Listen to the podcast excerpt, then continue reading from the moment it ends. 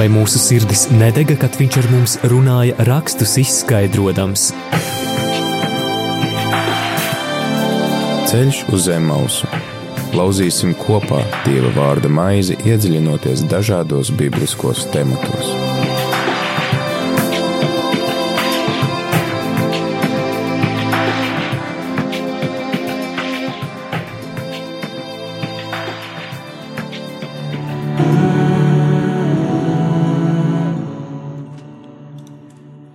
Radio Marija Latvija klausītāji ir 5 un 3 minūtes 4. diena, 30. aprīlis, pēdējā aprīļa diena šogad, un mums ir jauns sākums. Mēs iesākam lasīt otro mūzus grāmatu raidījumā Ceļš uz Emausu.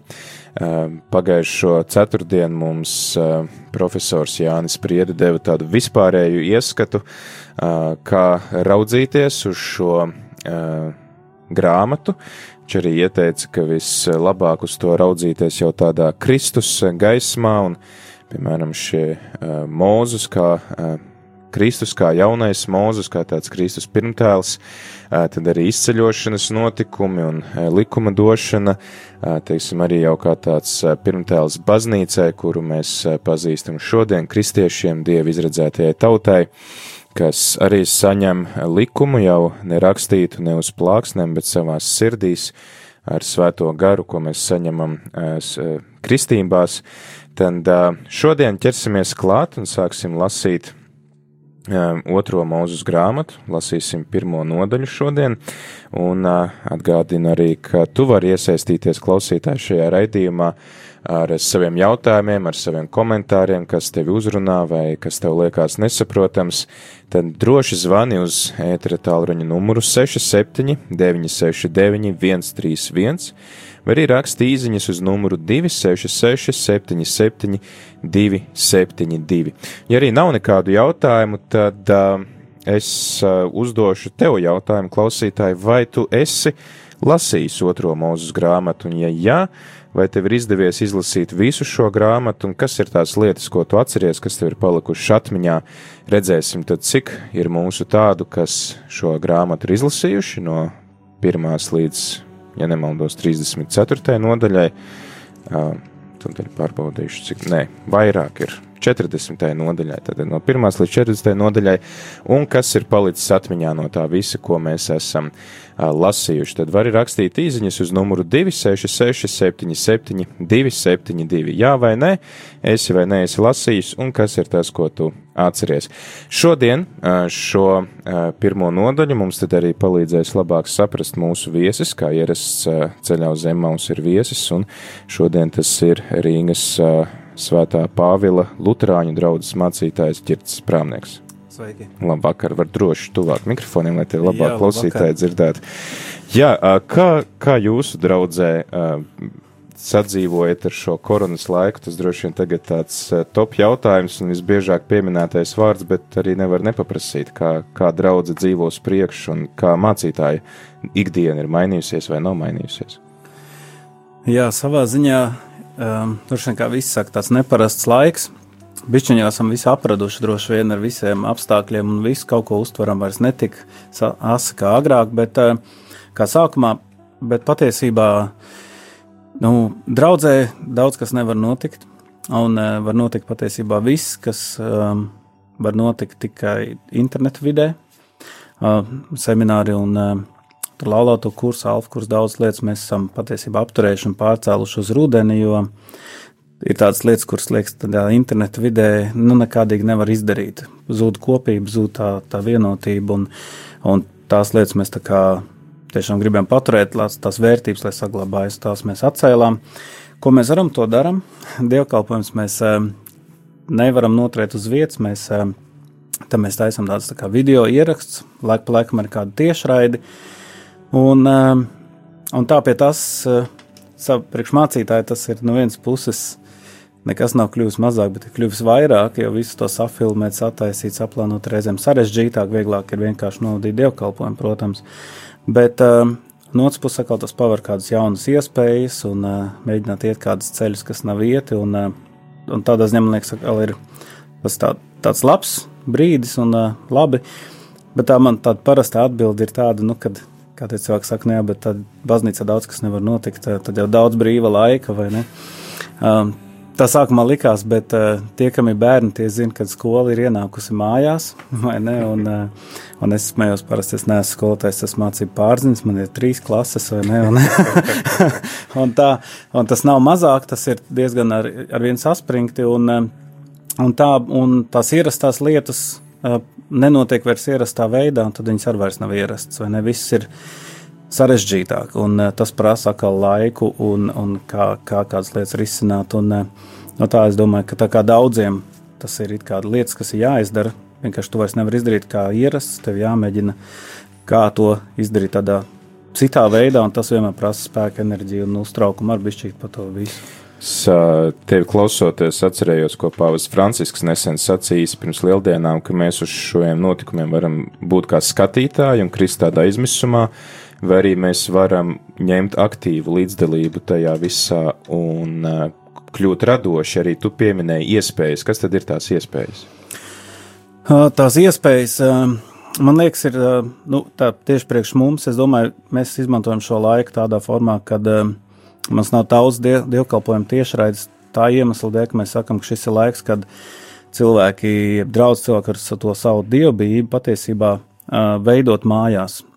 Un parasti ikdienā mēs esam tāda patērētāja sabiedrība, ir vieglāk aiziet svētdienā apsēsties dievkalpojumā vai kā, vai aiziet uz kādu semināru, Tagad tas viss ir mūsu pašu rokās, un, eh, un man liekas, tā ir tāda laba iespēja eh, redzēt, kas patiesībā mūsos ir, ko mēs spējam.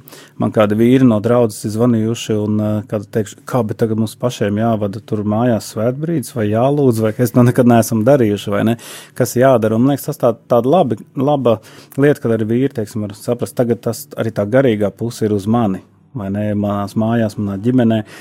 Tā man liekas tāda laba iespēja, mēs varam redzēt mūsu ticība, ja mūsu ticības augsts, cik daudz tad mūsos īsti ir. Un, uh, un cik daudz kas mums ir vērtīgs, un tīri draudzēm liekas, priekš manas pašas liekas, ir tāds foršs, uh, foršs iespējas, ka tu vari arī zem tā, nu, kā lai pasaka, zem tā aizsega, ka tagad ir vīrus, jādara lietas citādāk, pamēģināt kādas lietas, kuras tu ikdienā kā mācītājs, tā nekad draudzē nevarētu pamēģināt.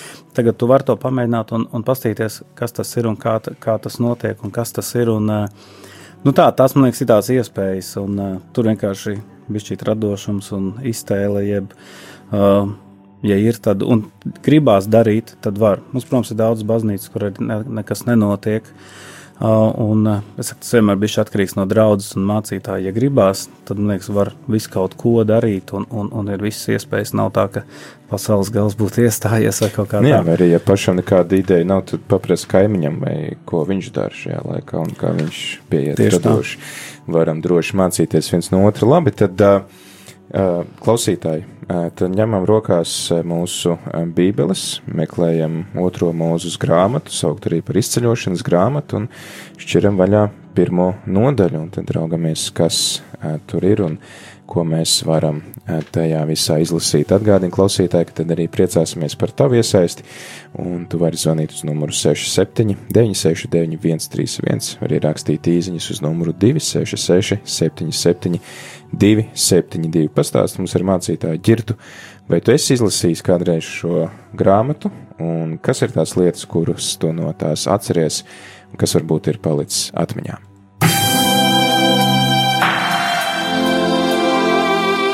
vai mūsu sirdis nedega, kad viņš ar mums runāja, rakstus izskaidrojams. Ceļš uz zem mausu. Lauzīsim kopā Dieva vārda maizi, iedziļinoties dažādos bibliskos tematos.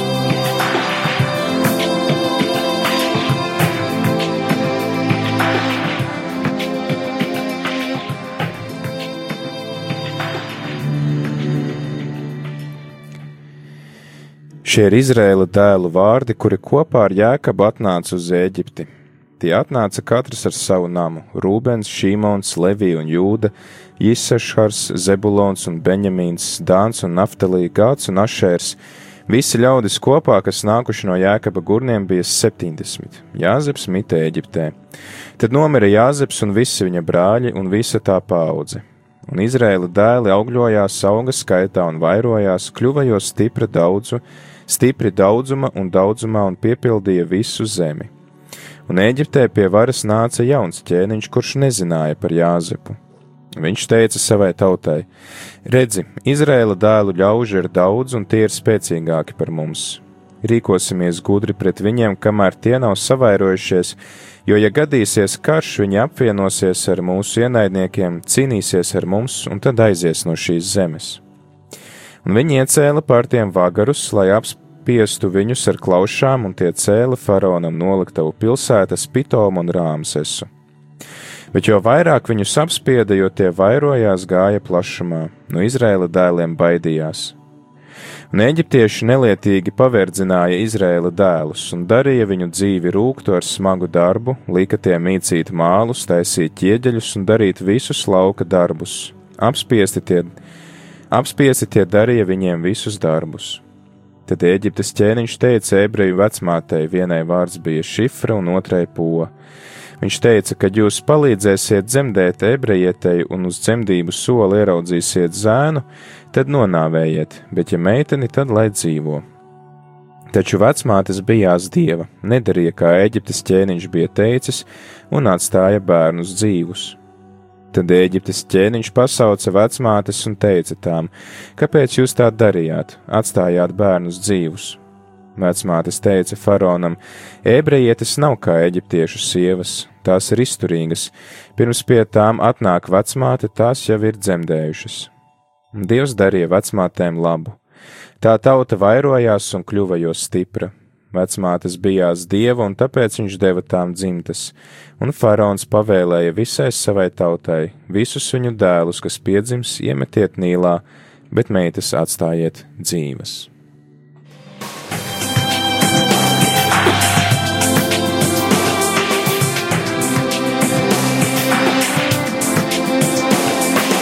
Ceļš uz zem mausu katru ceturtdienu, pulkstens 17.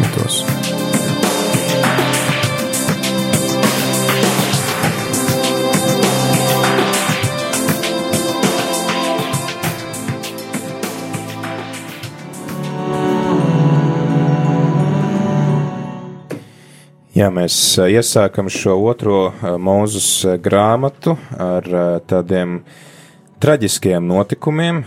Pirmā mūzes grāmata beidzās ar to, ka laimīgi ģimene atkal satiekās kopā, brāļi izlīkst, tēvs, kas saka, lielā sirmā vecumā dodas pie saviem tēviem, un viņš tiek ar lielu vērienu apglabāts. Tagad tad, mēs lasām, ka šī nu, ģimene, dzimta, kas bija 70 cilvēki, ir izauguši jau par tādu lielu kuplu tautu, no kuras baidās. Un, uh, ir, ir tāds ķēniņš, kas nezina par Jāzepu un sāka šo tautu paverdzināt, kas ir noticis pa šiem gadiem. Jā, Bībele daudz nestāsta mums, tur daudz informācijas nesniedz, bet mēs varam kādas lietas varbūt secināt. Un, ja tiešām tā izlasām, apsēžamies un bišķi padomājam pie tiem pantiem, jeb kā man parasti gribās teikt, ieliekam bišķīt sevi. Um, tajos notikumos, varbūt mēs varam labi saprast faraonu. Um, mēs varam jautāt, kā var būt tā, ka pēkšņi ir ķēniņš, kurš neko nezina, jo, kā tu minēji, tikko Jāzeps tomēr ilgu laiku bija, viņš bija, principā, gandrīz pirmais cilvēks aiz faraona, ļoti augstu bija stāvējis savā laikā, um, un viņa tauta un, un jēkabs visa dzimta baudīja droši vien īpašu statusu, un kā var būt tā, ka kādiem pārsimts gadiem paējot, ir, ir vienkārši faraons, kurš vispār nezina neko par Jāzepu, nav dzirdējis. Un, eh, un es domāju, mēs um, vēsturnieki tur stāsta dažādas iespējas, ja ka faraons tomēr esot bijis tā, ka nu, viņi arī esot labprāt uh, kādas statujas pārkaluši, pārtaisījuši, un uh, varbūt arī Jāzepa arī tāpat kaut kā bija. Un mēs jau kādreiz arī mūsdienās kādas lietas izdzēšam no mūsu vēstures, gandrīz vai cenšamies viņas aizmirst. Uh, un tāpēc tas ļoti normāli var tā gadīties, droši vien, kad pēc kāda laika ir faraons, kurš neko nezina. Viņa situācija ir tikai tāda, kāda viņa ir. Te ir eģiptieši un te ir kādi svešinieki, un, un tie svešinieki kļūst arvien vairāk, arvien vairāk, arvien vairāk, un es domāju, mēs tagad Eiropā daudz esam par bēgļiem runājuši aizgājušos gados, un, un kādas briesmas, kādi draudi un tā tālāk, un mēs, domāju, tā ļoti labi varam sev iedomāties faraonu bišķīt tādā pašā sajūtā, un Eģipte lielākoties, laikam, vēsturē ir vienmēr ar kādu karojusi, un dabis tas, tas, tas loģiski tāds politisks, strateģiskā domāšana, kad, nu jā, te ir cilvēki, kas nav eģiptieši, tad viņi nav nekādīgi īsti ar mums saistīti. Tā ir tikai vieta, kur viņi dzīvo, un, un ja nāks ienaidnieks, ar kur viņi jutīsies kaut ko atradīs kopīgu valodu, ja vienotas saknes, ja kaut kādā ziņā simpatizēs viens otram, tad patiesībā mēs varam pēkšņi iegūt ienaidnieku tepat mūsu vidū. Un tā, protams, ir tāda bīstama situācija, un uh, tādēļ tā faraona no vienas puses ļoti labi var saprast.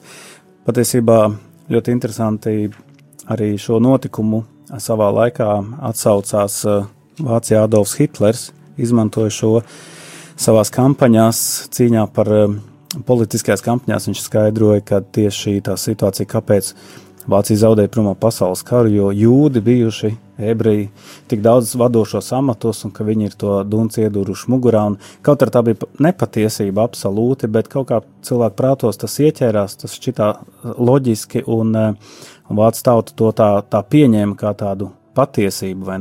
Tāpēc tā var teikt, tas tā, tā, tā nav tikai unikāla faraona tāda domāšana šajā vietā, bet um, vēsturē tādas, tā, tādas lietas ir parādījušās laiku pa laikam, un mēs jau arī kādreiz um, dzirdam kādas situācijas, uh, kas ļoti atgādina arī šo, un tāpēc tās faraona bažas es tā varētu dalīt, ja saprast, uh, varbūt tās negluži viņa risinājuma modeļus, kā risināt šo problēmu, vai ne, bet uh, Bet jā, nu viņa risinājums ir vienkārši vajag samazināt šo tautu, vai ne? Un viņš nolēma kaut kādā veidā, mēs varam lasīt, risināt to, regulēt to dzimstību kaut kādā veidā. Um, varbūt tās. Kas arī ir diezgan, diezgan pierasts arī šodien risinājums. Tāds. Jā, tas ir aktuāl, aktuāls jautājums, ja neļaut lietām notikt, bet, bet uh, mēģināt pašiem kontrolēt. Bišķirts prasītas jautājums par mūsu atbildībiem, par mūsu, kad mēs spēlējam Dievu, vai ne? Um, interesanti var būt tās, ka Fārons nav īsti, nevaram redzēt, ka viņš būtu dziļi meklējis un pētījis, kas, kāpēc šie cilvēki ir šeit un tik uplā skaitā.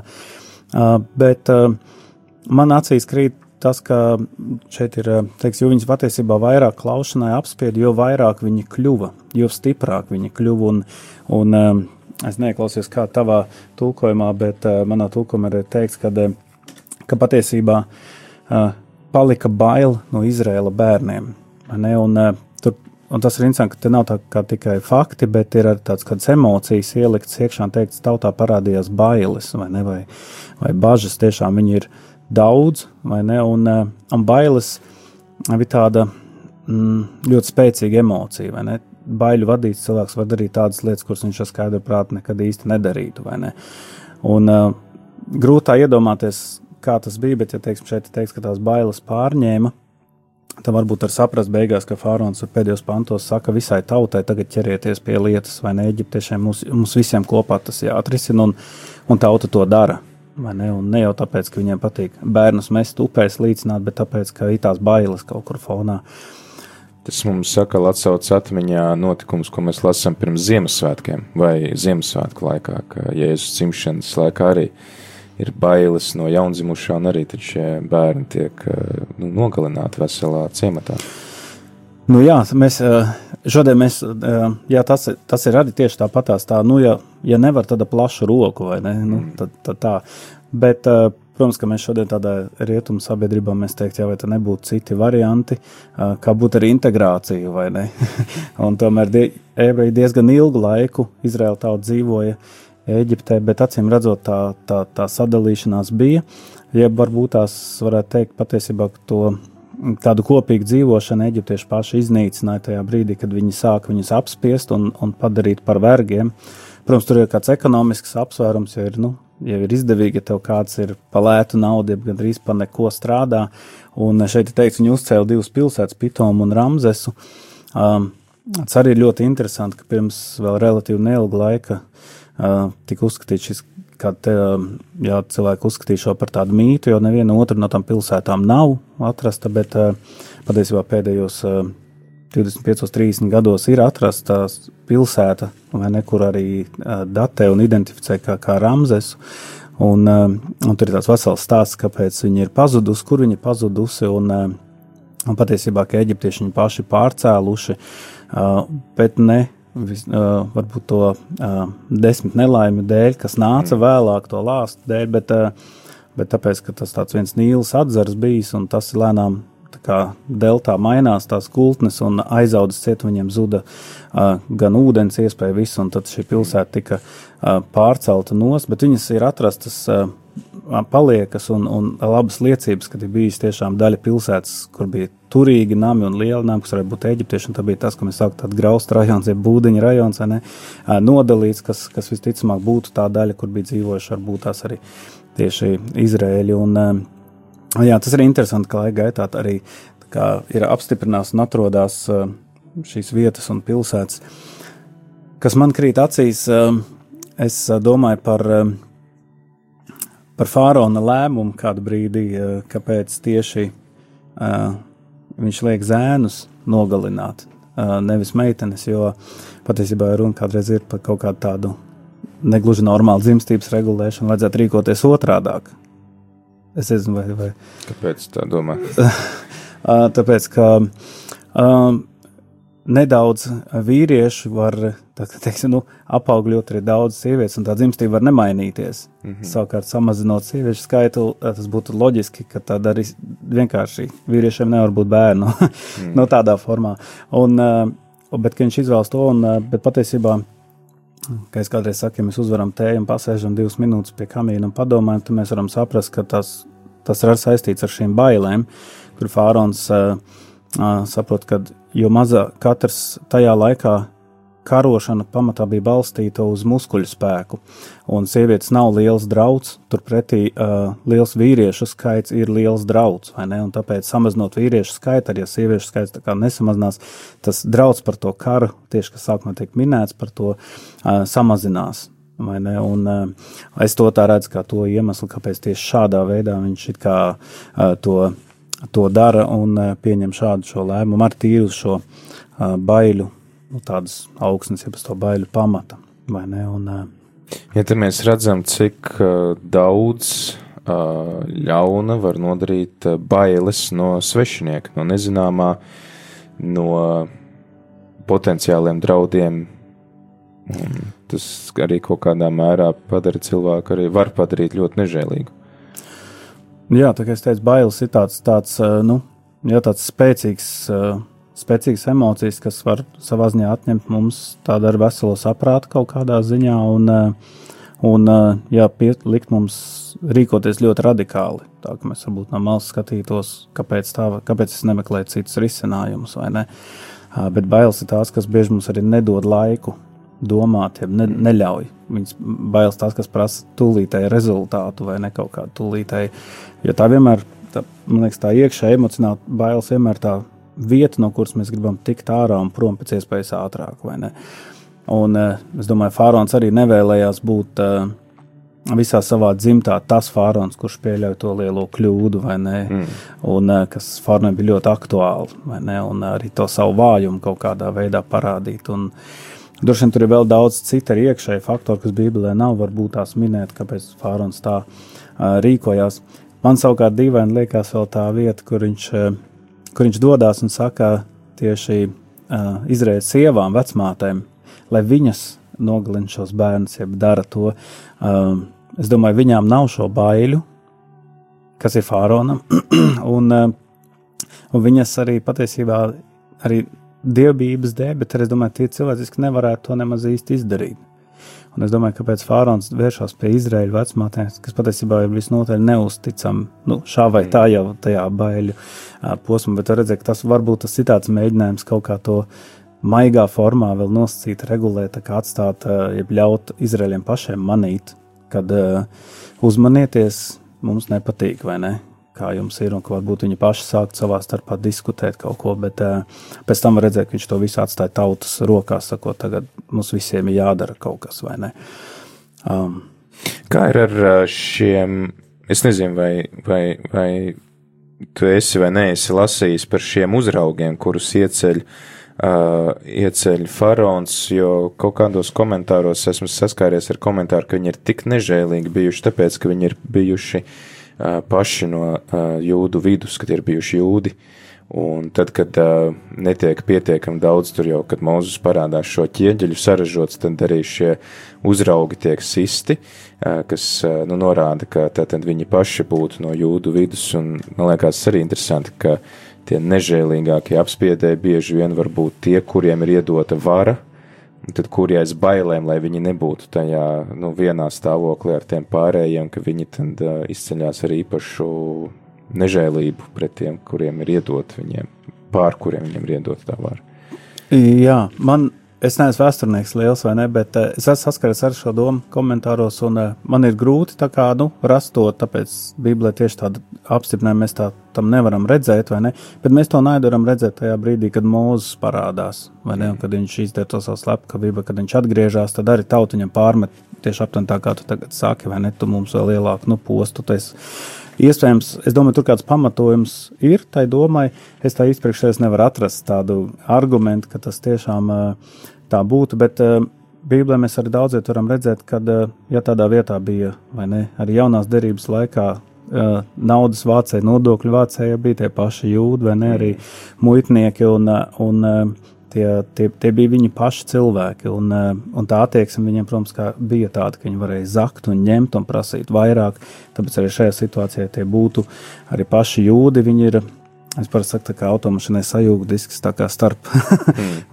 Viņam vislielākais spiediens no abām pusēm, vai ne? Un tad uz kuru pusi viņš padodas, tad jebkurā virzienā tas ir nu, radikāli diezgan. Mm. Un, uh, Tāpēc tas tā, tā varētu būt, bet man pašam personīgi tā kā es neredzu Bībelē tādu, tādu um, tādu simtprocentīgu tādu, jā, nu, tādu pierādījumu. Es, es domāju, tikai... ka tas, tas ir labs temats, par ko aizdomāties, jo mēs bieži vien šos notikumus lasot, domājam, nu jā, nu es, es jau gan tā nedarītu, un es tāds nebūtu, um, bet uh, tās, tās situācijas parāda, ka mēs cilvēki esam īstenībā ļoti viegli. Mēs padodamies gan šīm bailēm, gan arī šai uh, varai un autoritātei. Man nāk prātā attiecībā uz varu un autoritāti, man nāk prātā divas lietas. Uh, viena ir, eh, man pašam ir bijusi iespēja būt eh, Aušvicā, un tas ir, tas ir tiešām fakts, ka no ieslodzīto vidus, pašu vidus ņēma šos uzraugus, un viņi bija nežēlīgāki par šiem vācu uzraugiem, jo, nu, kaut kā tam cilvēkam strādā tas, ka tu esi no nu, no verga vai no, kā, nu, no dubļiem pacelts ar kaut kādu nelielu autoritāti, nu, tu to autoritāti izmanto pēc pilnas programmas un ne tā kā Jēzus saka, ja, ka tam, kuram ir autoritātes, kalpo pārējiem. Un otrs piemērs ir uh, eksperiments. Uh, arī par šo eksperimentu ir filma uzņemta. Mūždien aizmirstās tā eksperimenta vadītāja vārds, bet saucās uh, cietuma eksperiments. Kaut kāds zinātnieks un prison eksperiments. Un uh, tur cilvēki ar ļoti līdzīgiem psiholoģiskiem raksturiem tika speciāli atlasīti, un vieni tika uztaisīti par. Viņi zināja, ka tā ir spēle. Viņi, viņiem no paša sākuma tika pateikts, ka džeki tā ir spēle. Puse būs ieslodzītiem, puse būs uzraugi, un uh, to eksperimentu nācās pēc divām dienām pārtraukt, jo tas, cik nežēlīgi šie uzraugi bija palikuši pa divām dienām, bija prātam neaptverami. Kaut kas tajā cilvēkā, acīm redzot, ir, ka tev iedod šo kaut kādu nelielu autoritāti, kaut vai pat spēles līmenī, un tur var nākt ārā ne, neaprakstāmas lietas. Es domāju, ka nu, tas ir. Jā, kas nāk ārā, tur ir parādās tas, kas mūsos iekšā patiesībā ir. Ko mēs patiesībā caur visu kaut ko savā ziņā mēģinām apspiest, uh, Un tad tā mūsu tā grēcīgā daba, ja tā mēs varam teikt, ka latviešiem kādreiz patīk jauniešiem teikt arī, nu, kad piedod nāca no sirds vai ne, no nu, tā, kad kaut kas slikts ir izdarīts, bet, bet tas ir tas, kas no mums kādreiz izlaužās, un, un es, es to tā, jā, kā saka, dzīvē ik tās situācijas, kad tu kādreiz redzi cilvēks, kas ir kāds saka, no dubļiem pacelt vai ielikt kaut kādā amatā, un pēkšņi viņu vairs nepazīst. Kā viņš izturās, kā viņš redz citus, viņam mainās tas skats uz visu. Un, un es domāju, tas ir mūsu grēcīgā daba, kas tas mūsu klupšana uz, uz, uz varu, uz godu kāri vai ne. Un kamēr mēs zinām, ka mēs nekas neesam, vai, vai, vai kā tikmēr kā mēs to apvaldam, bet tajā brīdī, kad mēs jūtam, mēs varam, vai ne? Mēs ejam pa, jā, pēc pilnas programmas, jo mums. Uh, Kādreiz tāds teiciens ir, kāpēc tu tā darīji? Tāpēc, ka varēju, mm. vai ne? Nu, tā, tāpēc arī darīju. Un, un kamēr mēs nevaram, tas mūsos it kā loģiski, ja mūsos it kā pat neprasās, ja neatraisās. Um, Tāpēc kādreiz uh, cilvēks saka, jā, nu, iedod, iedod varu, iedod naudu, un tad pasties, tad tu redzēsi, vai ne, kas tur patiesībā mm. ir iekšā, vai ne. Un, tā, tāpēc tas ir, nu, ja tā ir laba tēma, ko tu saki pārdomām, jo mēs cilvēki bieži skatāmies uz citiem, sakam, ārprāts kā viņi, vai ne. Mm. Bet mums nevienmēr apzināmies, kāda mēs būtu, ja mēs nokļūtu tajā vietā, tajā situācijā. Un, uh, ja mums teikšana, pēkšņi no šodienas būtu tāda vara, būtu tāda teikšana, ja būtu ietekme, un mēs jau kādreiz tādās ikdienas mazās lietās redzam, darba vietās, kādreiz no nu, tā, ko cilvēks kādreiz saka un stāsta, var just manīt, jā, nu, vakar viņš ienāca tikai sāka strādāt, viņš strādā, un pēc pusgada viņš ir citā amatā pāri citiem apdzīnis, un viņa attieksme pēkšņi radikāli mainās, un, un eh, mēs tās konflikts ar darba vietās vai situācijās kādās manam un redzam, uh, Jā, kaut kur varbūt tā ir savstarpēja konkurence, jeb tāda, varbūt tādos apstākļos, kā šeit Bībelē mēs runājam, tas varbūt ir izdzīvošanas jautājums, ja varbūt tās tur ieslēdzās arī tāda vēlme, nu es, um, es parādīšu, cik ļoti es esmu, nu nežēlīgs, un ar to parādīšu, ka es esmu labs, jo Eģiptieši jau gaida, ka es tāds mm. būšu, vai ne, un, un ka tās ir manas karjeras trepes, vai ne, uz augšu, varbūt neapzinoties, ka jūtas, tu piedzim, jūtas, nomirs par Eģiptieti nekļūsi, vai ne, mm. nu tajā konkrētā situācijā. Bet es domāju, mums kādreiz ir tā vēlme arī tā lietas pārspīlēt, uh, tīri ar sautīgās interesēs, ka mēs sakam, lai citiem ir jācieš, bet lai es tieku uz priekšu vai ne. Uh, Jā, pēc manis kaut vai ūdens plūdi. Uh, izskatās, ka mūsu klausītāji neviens nav lasījuši šo grāmatu, jo īziņas joprojām klusē un neviens neraksta. Uh, nekas, tad jums būs iespēja lasīt šo grāmatu tagad, uh, klausoties šos raidījumus katru ceturtdienu. Tagad laiks uh, pauzē, un, ja gadījumā klausītāji tev ir kāds jautājums vai kaut kas, kas tev uzrunā šajā pirmajā nodaļā, kur šodien esam lasījuši, tad droši zvani vai raksti kopā šeit ar mums ēterā ir arī Rīgas svētā Pāvila draudzes, Luterāņu draudzes mācītājs Ģerts Prāmnieks, un pēc dziesmas turpināsim tad ar šīs dienas otrās mūzes grāmatas pirmo nodaļu.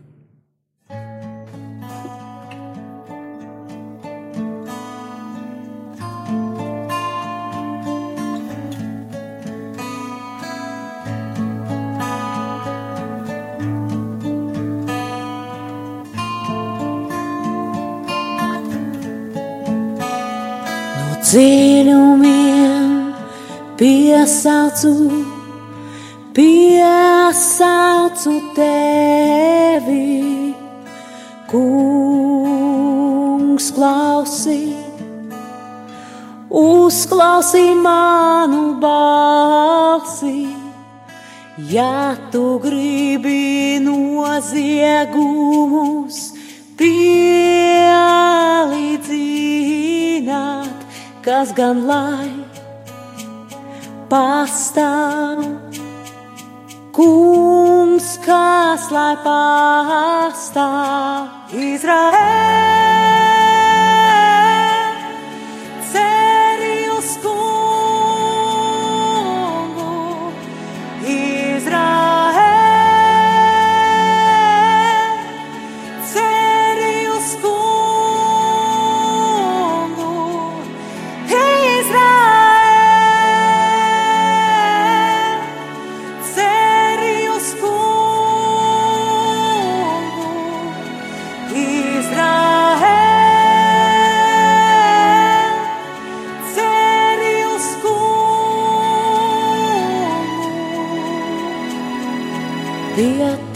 Izraēlā. piedošana, lai visi tevi bīstās. Es gaidu skungu, paļaujos uz viņa vārdu. Mana dvēsele gaida, gaida uz kungu vairāk kā nakts arī gaida uz rītāsmu Izraēlu.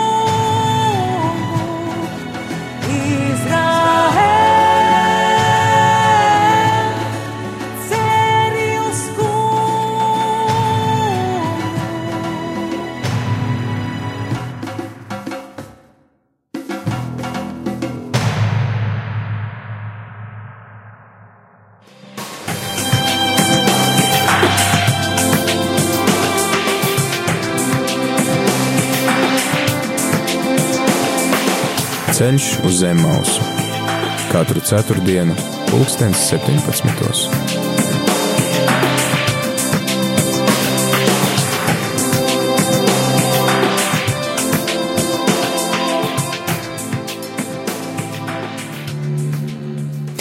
Atgriežamies ēterā ar raidījumu Ceļš uz Zemaus, un mums joprojām īziņas klusē par to, vai mūsu klausītāji ir lasījuši mūzus, otro mūzus grāmatu, un kas ir tās lietas, ko viņi atcerās vai neatcerās. Varbūt klausītāji, ja citi neatcerās, tad tu kaut ko atceries un pastāst mums ar mācītāju ģirtu. Bet mācītājs ģirts pa dziesmas laiku teica, ka viņš grib padalīties ar to, kā viņš ir lasījis otro mūzu grāmatu, tad uh, lūdzu. Jā, es pastāstīšu. jā, Tā ir priekš manis tāda nozīmīga grāmata, tāpēc, ka, ā, nu, tur tāda vēstule galva tiešām, ko es neuzskatu par tādu lielu grāmatu, kas prasītu darbu viņu izlasīt, vai ne, bet, ā, bet otrā mūsu grāmata ir pirmā grāmata Bībelē, ko es izlasīju tā ar elpu silcienu no saules lēkta līdz saules rietam, un mm. tāpēc, es domāju, radio klausītājs, kas nav lasījuši, es arī gribu ieteikt, jo es zinu, ka daudz mēs lasām Bībeli tā, pa nodaļām, pa pantiem, pa, pa kripatām un drupačām. Un ir tā, ka patiesībā ir diezgan sarežģīti kādreiz savilkt liels kopsakars kopā, lielu bildi. Bet eh, patiesībā pirmā mūža grāmata, otrā mūža grāmata, tas ir grāmatas, ko var izlasīt pa vienu dienu. Es domāju, tagad īpaši, ka mums nosacīta, it kā ir laiks. Nu, kā kuram? kā kuram? Nu, kā kuram, jā. Uh, bet, nu, uh, es domāju, ka katrs mēs varam izbrīvot laiku. Es gribētu ieteikt, jo tiešām apjoma ziņā gan pirmā mūža grāmata, gan otrā mūža grāmata ir izlasāmas tiešām vienā dienā. Ja, jū- ja, un, eh, un var ieraudzīt ļoti interesantas lietas, kuras nevar ieraudzīt um, kādreiz lasot to grāmatu pa nodaļām, tur mēneša garumā vai kā. Un es gribētu iedrošināt, īpaši tagad tie raidījumi, vai ne ies cauri pa nodaļām, ka jūs paņemat vienu dienu un izlasat cauri. Jo man bija tā, ka es uh, studiju laikā bija tāds brīdis, ka man arī likās, ka viss man ir pa daudz, un uh, mums tā atzīst dzīvo tādā kampusā, visi studenti kopā, un mēs tur strādājām un visu darījām. Uh, un tā bija tāds, mums bija tāda istaba, karantīnas istaba, tā, tā tematiski, bet uh, toreiz bija tā, ka, ja kāds no studentiem saslims, tā kā mums istabās bija jādzīvo pa divi, uh, lai pasargātu citus, bija jāpārvācās uz karantīnas istabu, un, uh, un es domāju, ka, jā, man vienā brīdī bija, nu, tik ļoti viss līdz kaklam, ka es domāju, es jau skolas laikā zināju, kā bastot un, un, un simulēt. Es eh, pieteicos, ka es esmu slims, aizgājis karantīnas istabā, un tur mums tie noteikumi bija tādi, tu drīkstēji tur iet, un eh, tev atnesa brāļi uh, brokastu pusdienas vakariņas uz to istabu, tu nedrīkstēji viņu pamest, un, uh, un vienīgais, ko drīkstēji līdzi ņemt, bija bībele. Ne datoru, ne telefonu, neko, bet tikai bībeli? Un es, uh, es aizgāju pēdiņās paslimot, vai ne, un uh, paņēmu bībeli, un, un tad, uh, jā, tas ir tādā istabā, un es domāju, nu jā, tad es nu, sākšu, paņemšu, sākšu lasīt vienkārši tā no viena gala. Un uh, es paņēmu šo uh, mūzes grāmatu un sāku lasīt viņu no viena gala, un es, uh, un es uz vakaru viņu jau biju pabeidzis. Un es biju pārsteigts, cik uh, aizraujoši ir lasīt viņu uh, cauri uh, no viena gala līdz otram. Un, uh, Jo patiesībā viņi lasās uh, ļoti kā romāns, un mēs varam ieraudzīt ar tās saistības, likuma sakarības, kuras, kuras varbūt tur ar trim, četrām dienām starpā mēs kā lasot vairs ne, nepamanām. Tāpēc es gribu iedrošināt, izlasīt, un pēc tam jūs raidījumi ies caur tā pa nodaļām. Jūs varēsiet arī katrā nodaļā tāpatās iedziļināties, bet jūs iegūsiet to, to lielo kopskatu, man liekas, un uh, paralēlis, un kādreiz arī, kad, uh, kas man liekas svarīgi, arī otrā mūzes grāmata ļoti daudz paralēlus velk arī ar, ar, ar jauno derību, ar evaņģēliju un mūsu atbrīvošanu, pestīšanu no grēka varas, no grēka verdzības, vai ne kā šeit Izraēla tautas izvešana no Eģiptes verdzības. Un uh, ir daudz paralēls, kuras tieši tādā ātrā elpas vilcienā lasot cauri, vieglāk var uztvert un pamanīt, cik daudz līdzības uh, ir, cik daudz paralēlas ir. Un, jo arī šeit mēs um, varam redzēt, ka faraons ir, ir tiešām tāds. Um, nu, nosacīt, varētu teikt, ja tāds ļauns, neatlaidošs, nežēlīgs. Viņš ir interesēts par savām vērtībām, viņš drošību nodrošina savā veidā, par savu politiku, savu ekonomiku. Es domāju, jūda tautai arī būvēt divas pilsētas, patiesībā noliktavu pilsētas, kur uzglabāt bagātību un visu, kas ir fāronam pašiem nebūdami, nu, pašiem, ka viņiem nav nekā, bet viņi ceļ priekš kāda cita. Var redzēt to, jā, bet patiesībā fārona kā tādu šīs pasaules tādu attēlību simbolu. Jaunā darbā es zinu, ka bieži mēs pasauli redzam kā tādu, kas cilvēkus eh, nu, vilina ar spīdīgām mantām, ar kārībām, ar visādām lietām. Bet pasaule patiesībā ir arī tā vieta, kas, eh, kas ir nežēlīga, kas paņem, kas paverdzina, kas neatlaiž. Ne? Un, eh, un Fārons šis tēls visā šī eksodus grāmatā ļoti labi atbilst taisn, šim, šim tādam, tādam priekšstatam, jeb tēlam, ka tu esi Ja tev neviens neatbrīvo, kā Izraēla tauta, tu patiesi, bet Dievs tev neatbrīvo, tu prom netiec. Ne? Un, un tur mēs varam redzēt to jauno derību, kad, kad Jēzus nāk un ja Dievs pats nenāk, neatbrīvo, nedara neko, mēs patiesībā paši nevaram tikt vaļā. Tāpēc arī Pāvils raksta, ka mēs esam grēka vergi, ka mums nav teikšana, vai ka mēs esam nāvē lemti, ja mēs paliekam šajā stāvoklī. Un, uh, Tāpēc es domāju, es gribu ieteikt, tiešām iedrošināt tos, kas nav lasījuši. Varbūt saka, es gan jau kā esmu pa nodaļām kaut kā sag sagrābstījis kopā mm. to grāmatu, apsēsties, izlasīt uh, vienā elpas vilcienā un uh, tas daudz ko ļaus ieraudzīt tādā lielā, lielā kontekstā. Jā, tas daudz ko arī ļaus ieraudzīt eh, šajā, nu, tā mēs teoloģiski sakam, kristoloģiskā gaismā, jo um, nu, šī uh, grāmata kalpo kā tāds pirmtāls, uh, mēs gan, piemēram, Lieldienu liturģijā lasam uh, fragmentus no izceļošanas grāmatas, kristība zināmā mērā tiek saistīta tieši ar izceļošanas grāmatas notikumiem. Mēs iepriekš arī pārunājām par šiem bailēm no svešiniekiem, ka tad, teiksim, eģiptieši baidās no jūdiem kā no svešiniekiem, kas viņus varētu pievilt kādā brīdī, ka viņiem varētu būt kāda politiska konflikta ar citiem. Domājot arī tādas um, jaunās derības gaismā, ka Eģipte kā tāda mūsu verdzības zeme un šī atbrīvošana vai Jēzus kā jaunais mūzus, kas mūs izved no šīs verdzības, man atsauc atmiņā arī, ka pirmie kristieši ir raudzījušies šiem notikumiem, ka mēs arī esam kā paši kā svešinieki šajā pasaulē zināmā mērā, jo arī tad viņi ir sacījuši pirmajos gadsimtos, īpaši arī tie apoloģēti laikā, ka mēs esam pasaulē, bet ne no pasaules. Jā, ka mums tā tāda dubulta pilsonība bija šeit. Ir. Jā, Jēzus tad, kad eh, Jāņa evaņģēlēs 17. nodaļā, kur ir, manuprāt, skatījumā tā visforšākā vienīgā vieta, nu, ja neskait mūsu tēvs lūkšana, kur Jēzus, mēs varam redzēt, Jēzus lūkšana, ko viņš lūdz, viņš tur arī saka šo no uh, pasaulē, bet ne no pasaules, mm. vai ne? Un, uh, Un man liekas, ka tas ir tāds identitātes, ja piederības jautājums, jo, protams, iziešana no uh, no Eģiptes, tā ir fiziska iziešana ar, ar brīnumiem, ar dievu varu un spēku un cauri jūrai, un kur nav ceļa atpakaļ. Un patiesībā tur veidojas tā tautas arī tāda identitāte vēlāk, kad esmu baušļiem un visu, bet tā ir iešana arī pretī apsolījumam, arī vēl ir vesela tāda tēma pati pa sevi. Bet man liekas, tāds, tas ir bijis tāds identitātes jautājums, jo mēs varam būt jebkurā vietā, kur mēs esam, Arī šeit, jā, sākumā jau Jāzeps dzīvoja pie Fārona Eģipte, viņš nebija vergs. vai ne? Uh, atnāca, vai ne, visa viņa dzimta, viņa nebija vergi, vai ne? Un uh, viņi varēja būt tajā vietā, tā kā nepiederēt tajā vietai, tā nebūtu viņi saglabāt savu identitāti, savu arī brīvību, vai ne, jo viņi atnāca no brīvas gribas, un uh, viņi tajā brīdī noteikti arī varēja aiziet no brīvas gribas, kad viņi gribēja. Eksodas grāmatā tas apstākļi ir mainījušies, un tā radikālākā atšķirība patiesībā ir tā, ka viņi nevar aiziet, kad viņi grib. Mm. Viņiem nav patiesībā tā brīvība. Viņi ar vienu ir tie paši izrēļi, viņi ar vienu ir tajā pašā zemē, uh, bet viņiem nav vairs brīvības. Viņi ir patiesībā piedzimstot, jau piedzimst par īpašumu fāronam.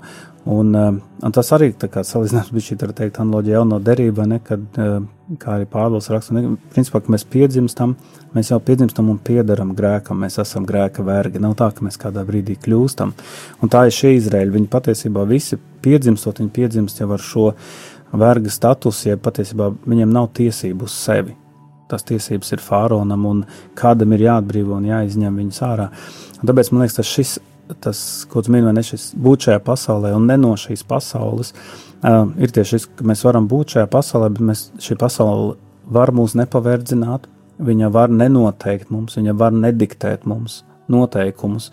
Mēs paklausam Dievam. Uh, Te tās bija tāda ilustrācija, tam varētu būt tās vecmātes, vai ne, kur ir teikts, viņa dievbija bija lielāka par to bija pret fāraonu, mm. vai ne, un tur parādās tā viņa neatkarība, tā spēšana. Un man liekas, mums arī tāpat tās ticīgiem cilvēkiem ir tā privilēģija, ka mēs varam, ja to savu mūsu dievbijība, uh, patiesībā mūs atbrīvoja, paceļ pāri uh, tam, kad, uh, ka mēs varam nebīties, jeb kad uh, šai pasaulē nav teikšanas par mums, vai ne, un uh, Un, teiksim, es domāju, ar šīm vecmātēm mūsu notikumā, kad viņas tomēr ne, es domāju, ka viņas arī baidījās no fārona. Bet, uh, acīm redzot, tomēr ne tik ļoti kā fārons no Izraēļiem. Vai ne? Jo viņas nebija gatavas iet uz, uz, uz slepkavību vai uz kaut ko tādu, uz ko fārons bija gatavs iet. Mm. Bet mēs viņus tāds varbūt tā tāds mazs tāds stariņš, tāds Tā, un, jo es domāju, tāpēc varbūt šeit ir uztvērts tas, ka tā nebija tāda viņa protests vai kaut kas šo sievu, tāda drosme, kas, bet tieši tā dievbija viņa vairākas reizes parādās pieminēta. Un uh, arī tiek teikts, ka Dievs arī atalgoja šo dievbijību. Mēs nezinām, kā. Jā, mēs arī redzam, piemēram, apakstuļu darbos, kas seko uzreiz pēc lieldienām šie notikumi, ka arī viņiem viņi to dievbijību, dieva bijāšanu liek augstāk par teiksim, nu, tiem draudiem, kurus varētu radīt sabiedrība. Un ka dažreiz tā dievbijība var būt nērta tev. Es domāju, ne tikai draudiem, ne, jo man vienmēr fascinē apstuļu darba grāmatā, kad ir šie vīrieši slēgtām durvīm nobijušies. Viņi tikko ir redzējuši krustā sīšanu, vai ne arī raidījuma nosaukums ceļš uz zemes, bet tas stāsta par tiem diviem mā, mācekļiem, ka, ko mums Jeruzalemē darīt. Viņi iet mm. prom no turienes, vai ne? Pēc tam viņi nāk atpakaļ. Un, un tā, ka tas. Jā, ka, viņi, nu, ka viss ir zaudēts, vai ne tas viss, un tad pāris burtiski divas nodaļas tālāk, tu, viņi stāv vai ne tiesas priekšā, vai ne, un, un, un viņi stāv, un viņi saka, viņi pat vārdos pasaka, ne tikai tādu savu nostāju, tādu klusu protestu, mēs aiz slēgtām durvīm tik un tā lūksim, vai ne, vai kā, mm. bet, ka viņi tādā atklātā veidā arī var vārdos noformulēt un pateikt tā, kā tieši saka, vai ne, mēs, nu, vai mums cilvēki jābīstas vairāk par Dievu, vai ne, nu tā, tas ir tas, tas, tās vērtības, ja tie svarkausi samainījušies vietām, vai ne, un tas ļauj viņiem uh, stāvēt pār tai pasaulē, kuras viņas pretendē. Nu, jā, ir nāk to uh, prasību, mēs paņemsim jūs, mēs piespiedīsim, vai ne? Un apstudēt grāmatā, tad trešā nodaļā tik labi teiks, ka viņi patiesībā varam redzēt, viņi neko nevar izdarīt viņiem šiem mācekļiem. Beigās viņi viņus nu, noper un vēlreiz pasaka, jūs tikai nevienam nesludiniet, kaut arī mm. viņi tikko ir pateikuši, ka viņi tik un tā to darīs. Bet viņiem vienkārši trūkst vārdu, trūkst, nav, vairs, nav nekā vairs viņiem mm. rokās ar ko. Vai ne? Ja šie vīri ir redzējuši, uh, Kristus krusta nāvi un, un apzinās, ka tas ir viņa nākamais. Un tik un tā viņi tā nu, dara un nebaidās. Ko tu vēl padarīsi? Jā, mums arī ir eh, laiks eh, noslēgt šo raidījumu, man liekas, tie atslēgas vārdi, ko mēs no šodienas varam paņemt, vai kas šodien vairāk kārtīgi izceltā, tad ir bailes, svešinieki, bailes no svešiniekiem mēs paši kā eh, svešinieki zināmā mērā šajā pasaulē, ja mēs piedaram Dievam, tad arī divbība pat ja tā var būt nērta, mm. pāri arī brīvība, brīvības temats, verdzība, kas varbūt ir tās lietas, ko mēs varētu paņemt līdzi šodien un, un kā mēs varētu atbildēt šim Dievu vārdam katrs savā ikdienā. atbildēt šim dievu vārdam. Šī ir diezgan informatīva daļa, vai ne? Un, bet man liekas, tāds, ko es no šī vārda varbūt tā priekš sevis arī uh, ņemu tādu līdzi, ir, uh, ir, ir tā vieta, kur Jā, jo vairāk tos apspied, jo vairāk tie vairojās, izplatījās tā, ka viņiem palika bail no Izraēla bērniem. Un uh, viņi centās darīt viņu dzīvi uh, smagu, bet šeit ir teikts, viņi kļuva arvien lielāki un arvien stiprāki. Un, uh, un es, tā, ko es gribētu ņemt līdzi, varbūt tās ir dot, varbūt līdzi ir, ir, ir tas, ka mēs arī tagad arī mēs sakam, tā dzīve sarežģītāk, bišķīt. Mēs vienmēr spaidi, grūtības ir tā vieta, no kuras mēs vienmēr gribam bēgt prom. Bet patiesībā tā ir tā vieta, kur Dievs mūs audzē vai padara stiprus, vai ne, un, un mēs pieaugam. Mēs patiesībā ik viens pieaugam tikai grūtībās, vai mācoties, vai uh, izaicinājumos. Un, uh, un tā man liekas, mēs tā varam lūkoties arī. Kādreiz es redzu, ka cilvēks saka, ir dievbijīgs, tad kā bez, bez bēdām, bez problēmām. Bet, ja mēs atveram Daniela grāmatu, viņš bija tik ļoti dievbijīgs un nebija tā, ka nebija problēma, bet viņš visām viņām gāja cauri. Mm. Es tāpēc gribu novēlēt, varbūt tās ir teikt mums arī, kā šī sievas arī to savu dievbijību, ka, um, ka mēs varam vienmēr paļauties uz to, ka nevis Dievs mūs izņems ārā no grūtībām, jo šeit šīs grūtības vēl kādu laiku gāja, uh, bet, uh, bet Dievs vienmēr dod mums spēku un soli spēku iet cauri un iet ar mums kopā cauri tām grūtībām. Un, uh, un tas viņa tuvums arī, arī šajā notikumā mēs varam nu, to redzēt. Un, uh, un te nav teikts, ka kāds no tiem bērniem būtu tapis nogalināts līdz šim notikumam vai ne. Mm. Jā, un, beigām, un, un tad arī lasot visas grāmatas gaismā, mēs redzam, ka Dievs redz mūsu situāciju, un Viņš neatstāja mūs vienus, Viņš nāk mums palīdzīgā, un Viņš ved mūs cauri uh, visām verdzībām. Es domāju, ka mēs arī varam tad, savā lūkšanā paraudzīties, kas mani paverdzina šodien, un no kā es gribētu atbrīvoties, kur es gribētu, lai Dievs man sūta mūzu, sūta Jēzu, kas mani atbrīvo no tā visa un ved pretī brīvībai. Un man liekas, arī tas man personīgi ir tas svešinieka temats, jo es tagad tieši lasu šīs grāmatas secīgi, nu, tādā savā privātā lūkšanā, un, un šodien pabeidzu lasīt piekto nodaļu, un kas ir interesanti, ka pēc tam sākot ar otro mūzes grāmatu līdz pat piektās mūzes grāmatas beigām, Dievs dodot likumu tautai, laikam saka, bet tu neapspied svešinieku, mm. jo tu pats biji svešinieks.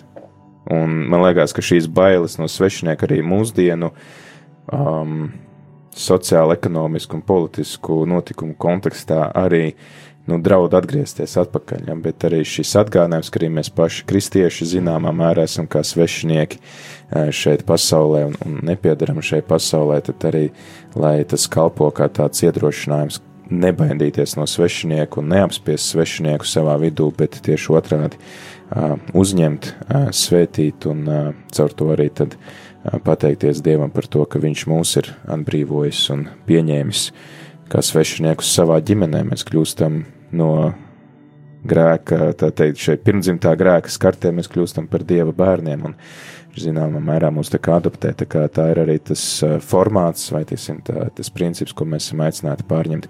Lielas paldies, liels paldies, Ģirt, ka bija laiks būt kopā ar mums šeit ēterā, un liels paldies arī jums, klausītāji, ka jūs klausāties.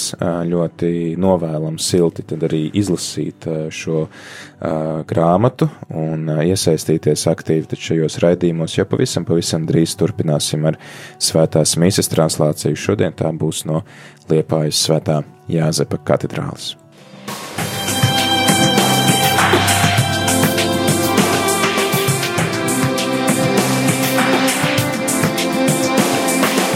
Ceļš uz zem mausu katru ceturtdienu, pulkstens 17.